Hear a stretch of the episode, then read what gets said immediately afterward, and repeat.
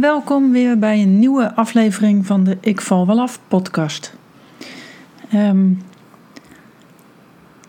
waar wil ik het vandaag over hebben? Ik, uh, ik heb vanmorgen een uh, blog geschreven en die, uh, die heet Afvallen zonder gedoe. Bestaat dat eigenlijk wel? En ik moet eerlijk zeggen dat ik op, op dat idee van die titel kwam, omdat ik vanmorgen een mevrouw sprak uh, telefonisch en die zei: Eigenlijk wil ik gewoon afvallen zonder gedoe. En ze vertelde dat ze moedeloos wordt, dat ze telkens de verleiding niet kan weerstaan. En ze refereerde naar de, de paasaitjes die, uh, die nu al enige tijd in de, in de supermarkt liggen. En die ook nog eens heel irritant eigenlijk gewoon meteen bij de ingang liggen in grote getalen, grote bergen. Uh, dat je er eigenlijk niet eens, ja, je moet er echt omheen lopen, anders loop je er tegenaan. Dat, het is altijd wat, zei ze. Iedere keer is er weer iets waardoor ik toch weer in de verleiding kom om te gaan snoepen, om te gaan snacken. En misschien, je luistert deze podcast, begrijp je wel wat deze mevrouw eh, bedoelt.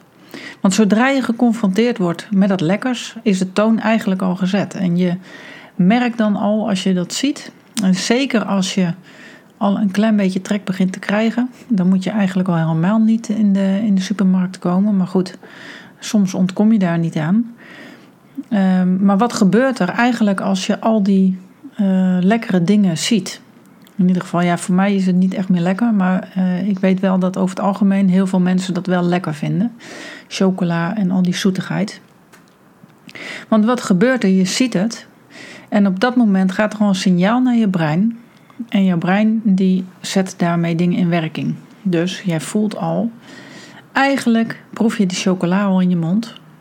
En je smaakpapillen die doen hun werk. Want je hoeft het niet in je mond te hebben, maar je kan je er wel heel goed een voorstelling bij maken. En dat is wat jouw brein op dat moment doet.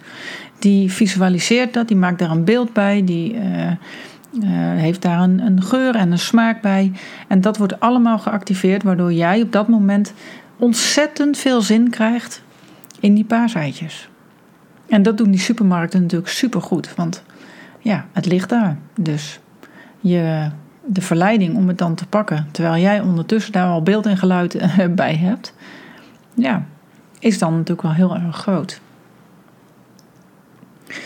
En dat vind ik op zich ook wel bijzonder, want eh, we leven in een tijd waarin we eigenlijk ons steeds meer bewust worden van het belang van gezonde voeding. We zijn daar steeds bewuster mee bezig. We gaan er steeds beter mee om in de zin van dat we heel goed weten wat goed voor onszelf is. En toch lukt het me niet om van die snoep en het ongezonde voedsel af te blijven. En dat is jammer.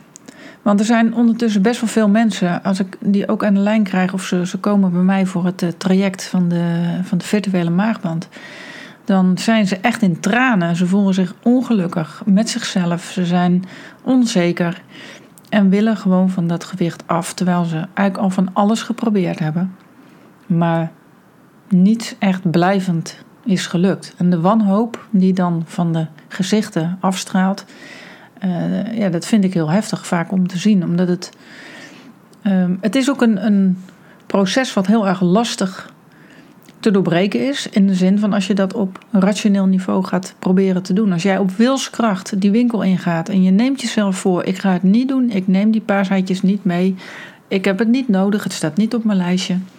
En dan toch gebeurt het je dat je er wel weer mee naar buiten loopt. En is dat jouw schuld? Nou ja, feitelijk doe je ze zelf in je karretje. Um, maar wat gebeurt er in jou waardoor jij geactiveerd wordt. Wat wordt er geactiveerd op het moment dat jij die paaseitjes ziet?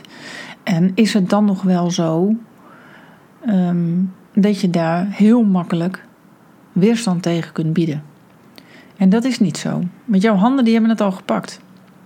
En dat beschrijf ik eigenlijk ook in die blog. Je handen, in dit geval, leiden een eigen leven. Want jouw handen die pakken die paaseitjes, stoppen het in je mandje. En dit is eigenlijk een handeling, net als met het koekje bij de koffie. Je pakt het koekje. Dit is eenzelfde handeling als dat jij naar de snoepkast loopt om daar snoep te pakken. Het zijn allemaal gewoontes. Het is ingesleten in jouw uh, dagelijks leven. Je hebt dat zo geleerd om te doen ooit. En op zich is dat, is dat goed, want moet je voorstellen dat jij elke dag, ehm, als je wakker wordt, moet bedenken wat je nou precies met die handen zou kunnen gaan doen. Of moet je voorstellen dat je elke ochtend moet nadenken over wat die dingen nou precies zijn die daar liggen in je kast en wat je daarmee zou moeten. Ja, het is kleding en jij weet precies wat je moet doen om jezelf aan te kleden. Maar stel je voor dat je dat elke ochtend opnieuw zou moeten bedenken. Dat zou ontzettend vermoeiend zijn. Als jij elke keer als je iets zou moeten lezen en je moet elke keer weer opnieuw leren lezen. Ja, dan kun je eigenlijk gewoon niet meer functioneren als je op die manier in het leven staat.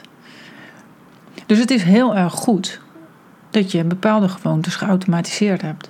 En dat je die gewoontes ook gewoon zonder nadenken kunt uitvoeren. En dat je, uh, ja, daardoor kun je ook functioneren en, en normaal een leven leiden. Maar binnen dat geautomatiseerde gedrag zitten er een aantal gewoontes die niet heel erg handig meer zijn. Een gewoonte om vaak en veel te eten is over het algemeen niet een hele handige uh, gewoonte.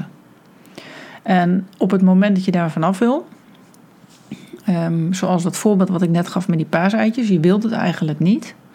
Dus je wilt die gewoonte niet meer uitvoeren, dan lijkt het wel alsof je toch op de een of andere rare manier vanuit een onzichtbare kracht toch die kant op wordt uh, geleid en dat het toch gebeurt. En dat komt voort vanuit die gewoontes. Die je ergens ooit in het verleden ontwikkeld hebt. En supermarkten die gaan daar, uh, die maken daar graag gebruik van, want die weten ook precies hoe dat werkt. Uh, over het algemeen uh, zijn kinderen heel erg um, makkelijk te verleiden met een snoepje. als ze verdriet hebben, pijn hebben, dan zegt mama: zal ik er een snoepje op leggen? En vervolgens is de pijn weg. Want ja, dat snoepje is wel fijn. Dat soort gewoontes nemen we mee in ons latere leven. En dit zijn algemene dingen die eigenlijk best wel bekend zijn. En daar, daar spelen de supermarkten en de voedselindustrie natuurlijk heel handig op in. En dat vind ik eigenlijk best een interessant fenomeen om even een uitstapje te maken. Want uh, zoals ik in mijn blog ook al schrijf, is uh, we zijn best wel bezig. Hè? Overgewicht is een, is een maatschappelijk vraagstuk wat best wel zorgelijk is op het moment. Er zijn steeds meer mensen met overgewicht en ook steeds meer mensen die daar, zich daar ongelukkig bij voelen. Die daar echt last van hebben en die ook fysieke klachten ontwikkelen. En toch um, is er een andere tak die er baat bij heeft op de een of andere manier dat we ongezond eten en leven. Want hoe meer de voedselindustrie aan ons kan slijten qua voeding, hoe meer zij verdienen. Dus dat is gewoon een, een markt. Het is een economie die daar uh, wel bij vaart.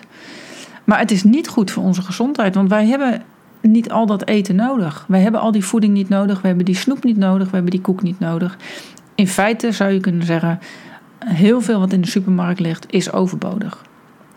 Maar we, hebben het, we zijn eraan gewend geraakt. We hebben er gewoontes op ontwikkeld. En dus kunnen we ons niet eens meer voorstellen uh, dat het niet te verkrijgen zou zijn.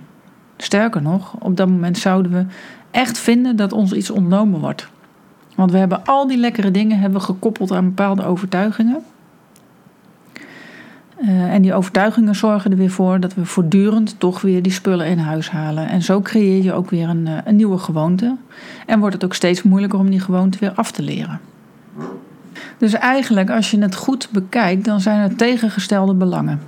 Uh, we hebben de, de gezondheidszorg en de, zorgverzekeraars die, die dit vraagstuk van overgewicht wel aan de kaak stellen en aangeven: ja, er zijn toch best wel veel mensen die gezondheidsklachten ontwikkelen door um, ongezond en te veel eten.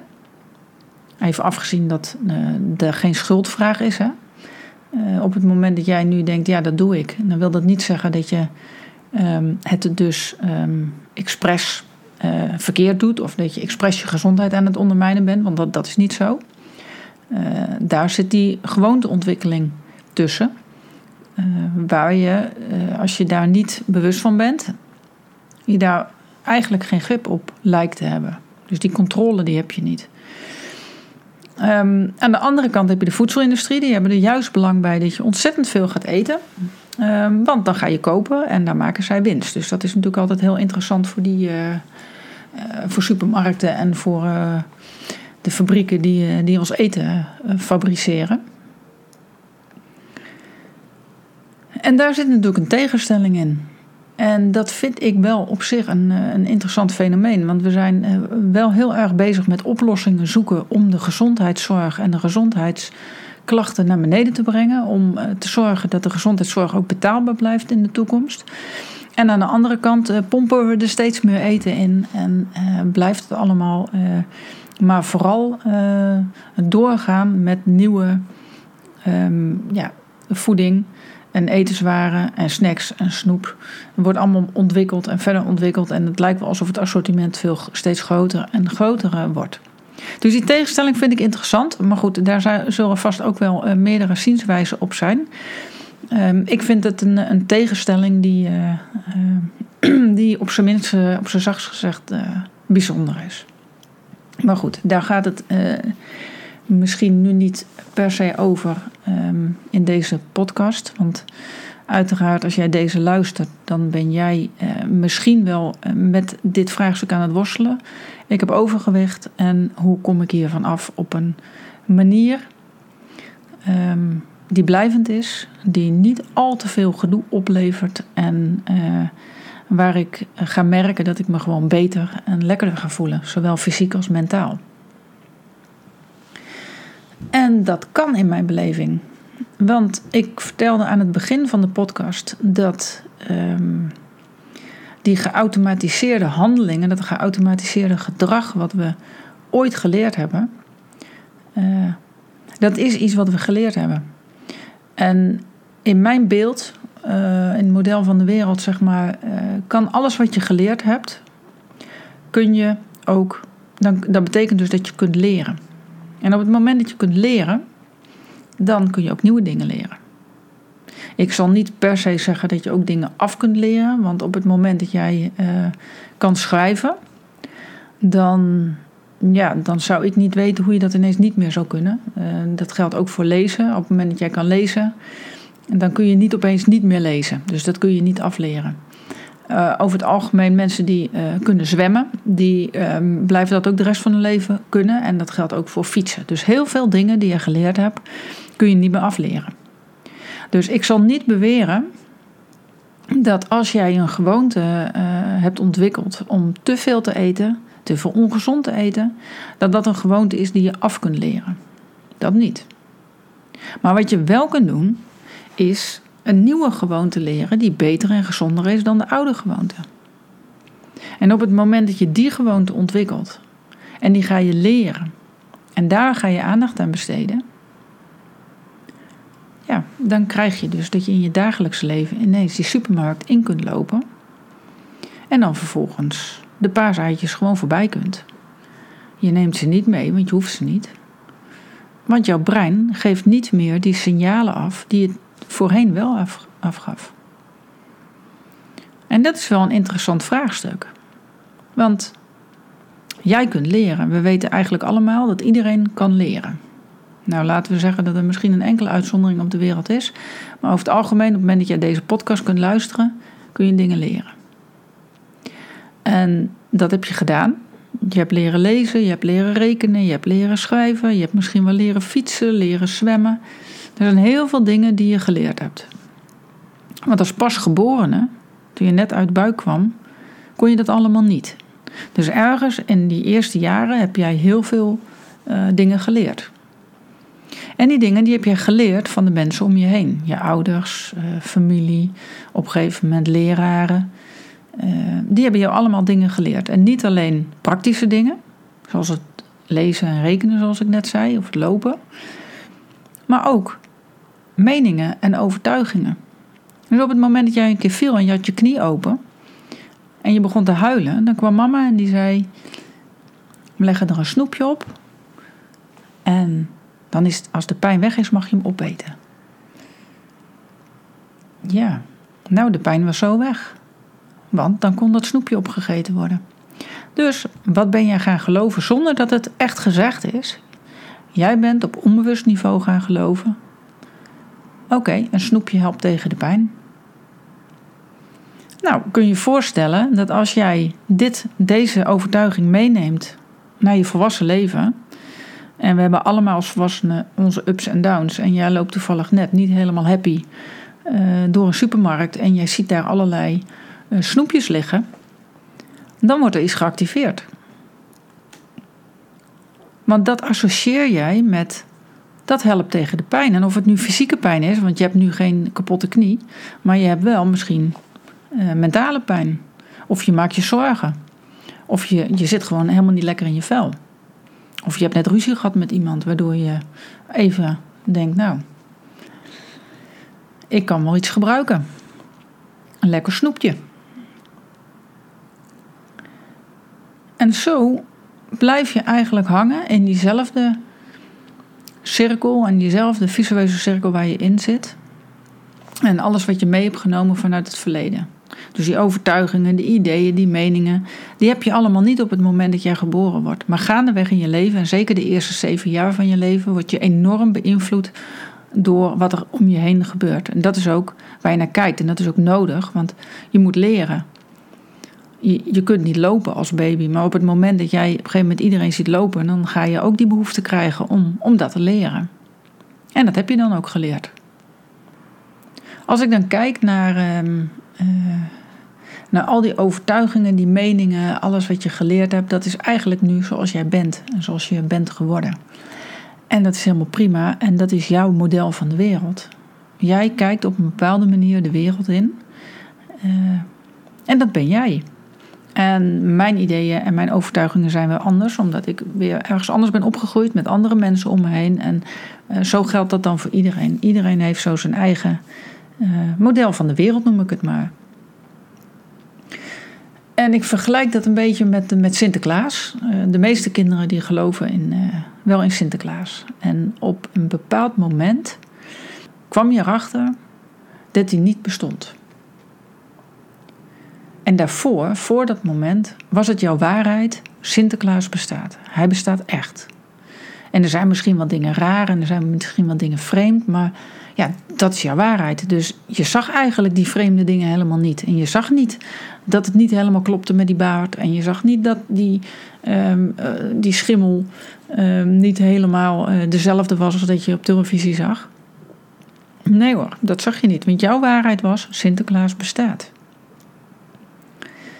Tot het moment dat je uit je droom geholpen werd. En er een moment kwam waarop je ontdekte: hij bestaat niet.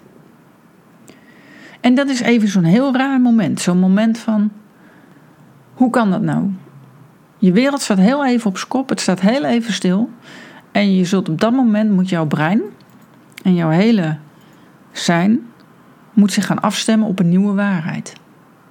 En dat brengt even wat ongemak met zich mee. Dat brengt even een gevoel van alsof je het even, uh, alsof je even flink in de war bent.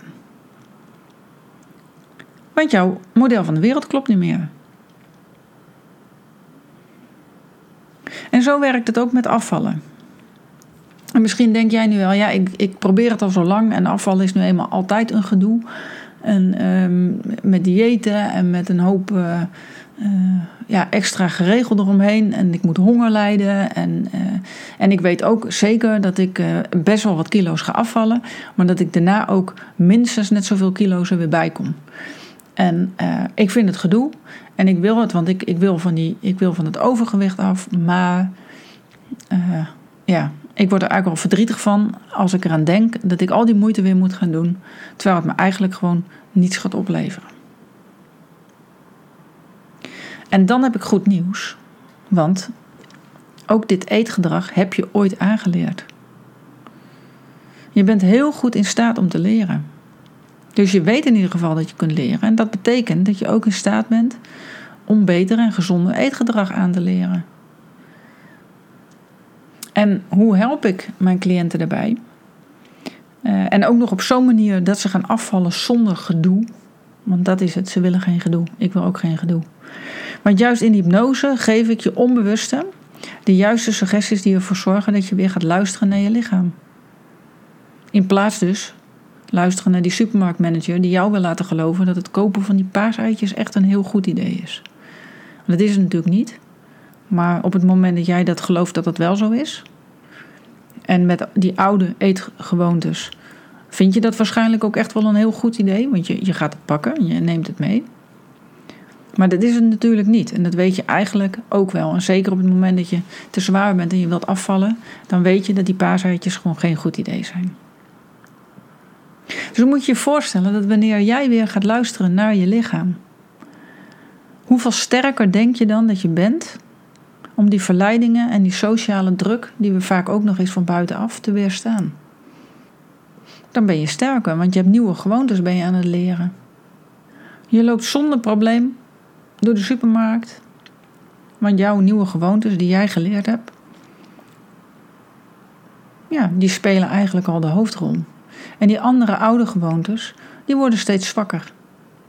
Want jij, jouw onbewuste, die krijgt nu andere signalen. Dus jij kan weer luisteren naar je lichaam. En jouw lichaam zegt, ja, ik heb het niet nodig, ik heb er geen behoefte aan.